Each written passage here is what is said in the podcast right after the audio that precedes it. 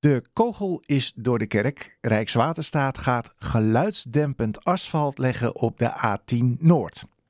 Hiermee wil Rijkswaterstaat de geluidshinder door het verlagen van de geluidsschermen langs de A10 tijdelijk verminderen. Uit eerder onderzoek is gebleken dat duizenden Noorderlingen nu last hebben van de herrie van de weg sinds de geluidsschermen daar zijn verlaagd, nadat eerder bij een storm delen van de schermen de weg op zijn gewaaid. Noorderling Henk Truijens is een van de gedupeerden en we hebben hem nu aan de telefoon. Meneer Truijens, goedemiddag. Goedemiddag, meneer Houtkoop. Uh, bent u blij met de maatregel van Rijkswaterstaat? Uh, slechts gedeeltelijk. Mm -hmm. uh, dat kan ik toelichten. het is nu dat ze de beslissing hebben genomen om dat asfalt aan te brengen. In mijn optiek zijn ze daar al een half jaar te laat mee. Want tijdens het weghalen van de schermen hadden ze al moeten weten wat het effect is. Maar ja, we zijn dus wel blij dat er nu eindelijk iets gebeurt.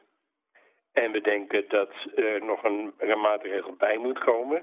Dat totdat het asfalt is aangebracht, de, de uh, snelheid op de snelweg verlaagd moet worden. Want dat is nu niet uh, geadviseerd door Rijkswaterstaat? Nee, nee. alleen een, uh, een, een, een nieuwe laag asfalt die het geluid doet dempen. Ja, want hoeveel verbetering geeft dat bij handhaving van het maximum van 100 km per uur? Nou, de technische feiten weet ik niet precies, maar circa 2 dB. Ja. En de overlast was 5 dB. Dus, mag, ik het, uh, mag ik dan even zo vrij zijn om die uh, twee bedragen van elkaar af te trekken? Dan hou je nog 3 dB uh, toename over. En dat ja. is dus in feite een verdubbeling van de herrie. waarom denkt u dat... Dat is, ja? dat is populair, wat u zelfs ook mag de 3 dB verschil is zelfs meer dan dat, omdat je dat zo ervaart. Mm -hmm. Dat is -hmm. technisch op geluidsgebied. Dus uh, excuus dat ik dat zeg, maar dat, uh, dat zijn wel feiten. Ja, dus daarom wilt u ook 80 km per uur, want ja, uh, dan, dan ja. zou u nog wat beter in de buurt komen. Zo is Toch? het. Ja, absoluut. Ja, absoluut. Ja, nou heeft u in een eerder interview hier bij Radio Bovenij gezegd dat ook fijnstof met name voor u een probleem is. Hè? Uh, dat het fijnstof is toegenomen ja. sinds die schermen uh, lager zijn geworden. Wat merkt u daar zelf eigenlijk van, van die toename van het fijnstof? Uh, persoonlijk, ik ben astma-patiënt, merk ik dat ik meer benauwdheidsaanvallen heb. Mm -hmm.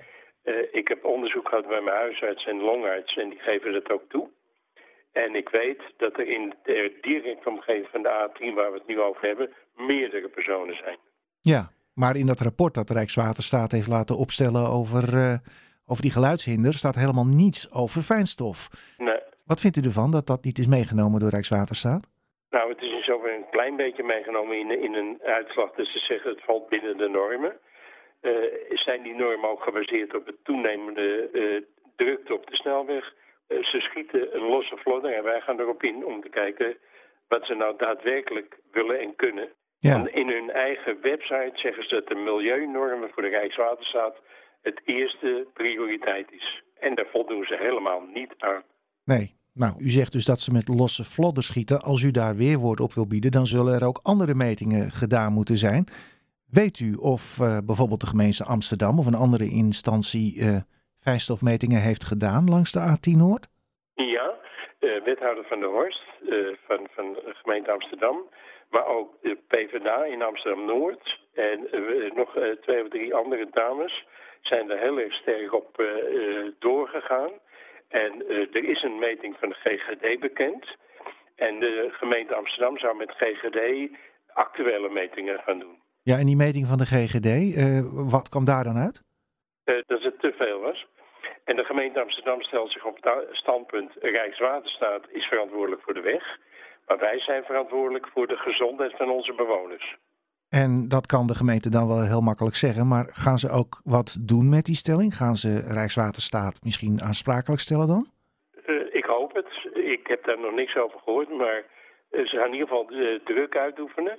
En een van de vragen die onze contactpersonen in een open uh, vraag hebben gesteld bij de gemeente, van gaan jullie ze ook aansprakelijk stellen? Dus dat is wel een actueel onderwerp.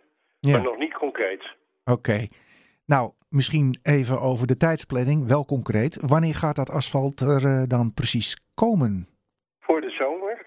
Oh, dat is heel snel, ja. Ja, maar de zomer, uh, uh, ja, die ligt al voor de deur, denk ik. als ze zeggen augustus is ook zomer. Met andere woorden, we weten het nog niet. Okay. We, gaan aandringen op zo spoedig mogelijk. Ja, en die schermen, wanneer worden die dan vervangen? 2025 wordt genoemd. Ja. Zijn er nog mogelijkheden om dat te versnellen? Rijkswaterstaat geeft ons te kennen dat de vervanging van de geluidsschermen versneld kan worden van medio 2025 naar medio 2024. Oké.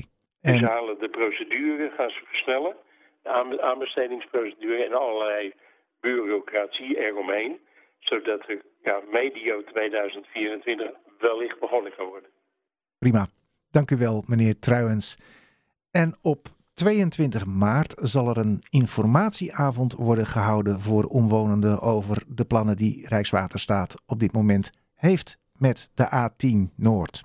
En de omwonenden van de A10 die last hebben van de weg zullen persoonlijk door Rijkswaterstaat schriftelijk worden benaderd middels een uitnodiging.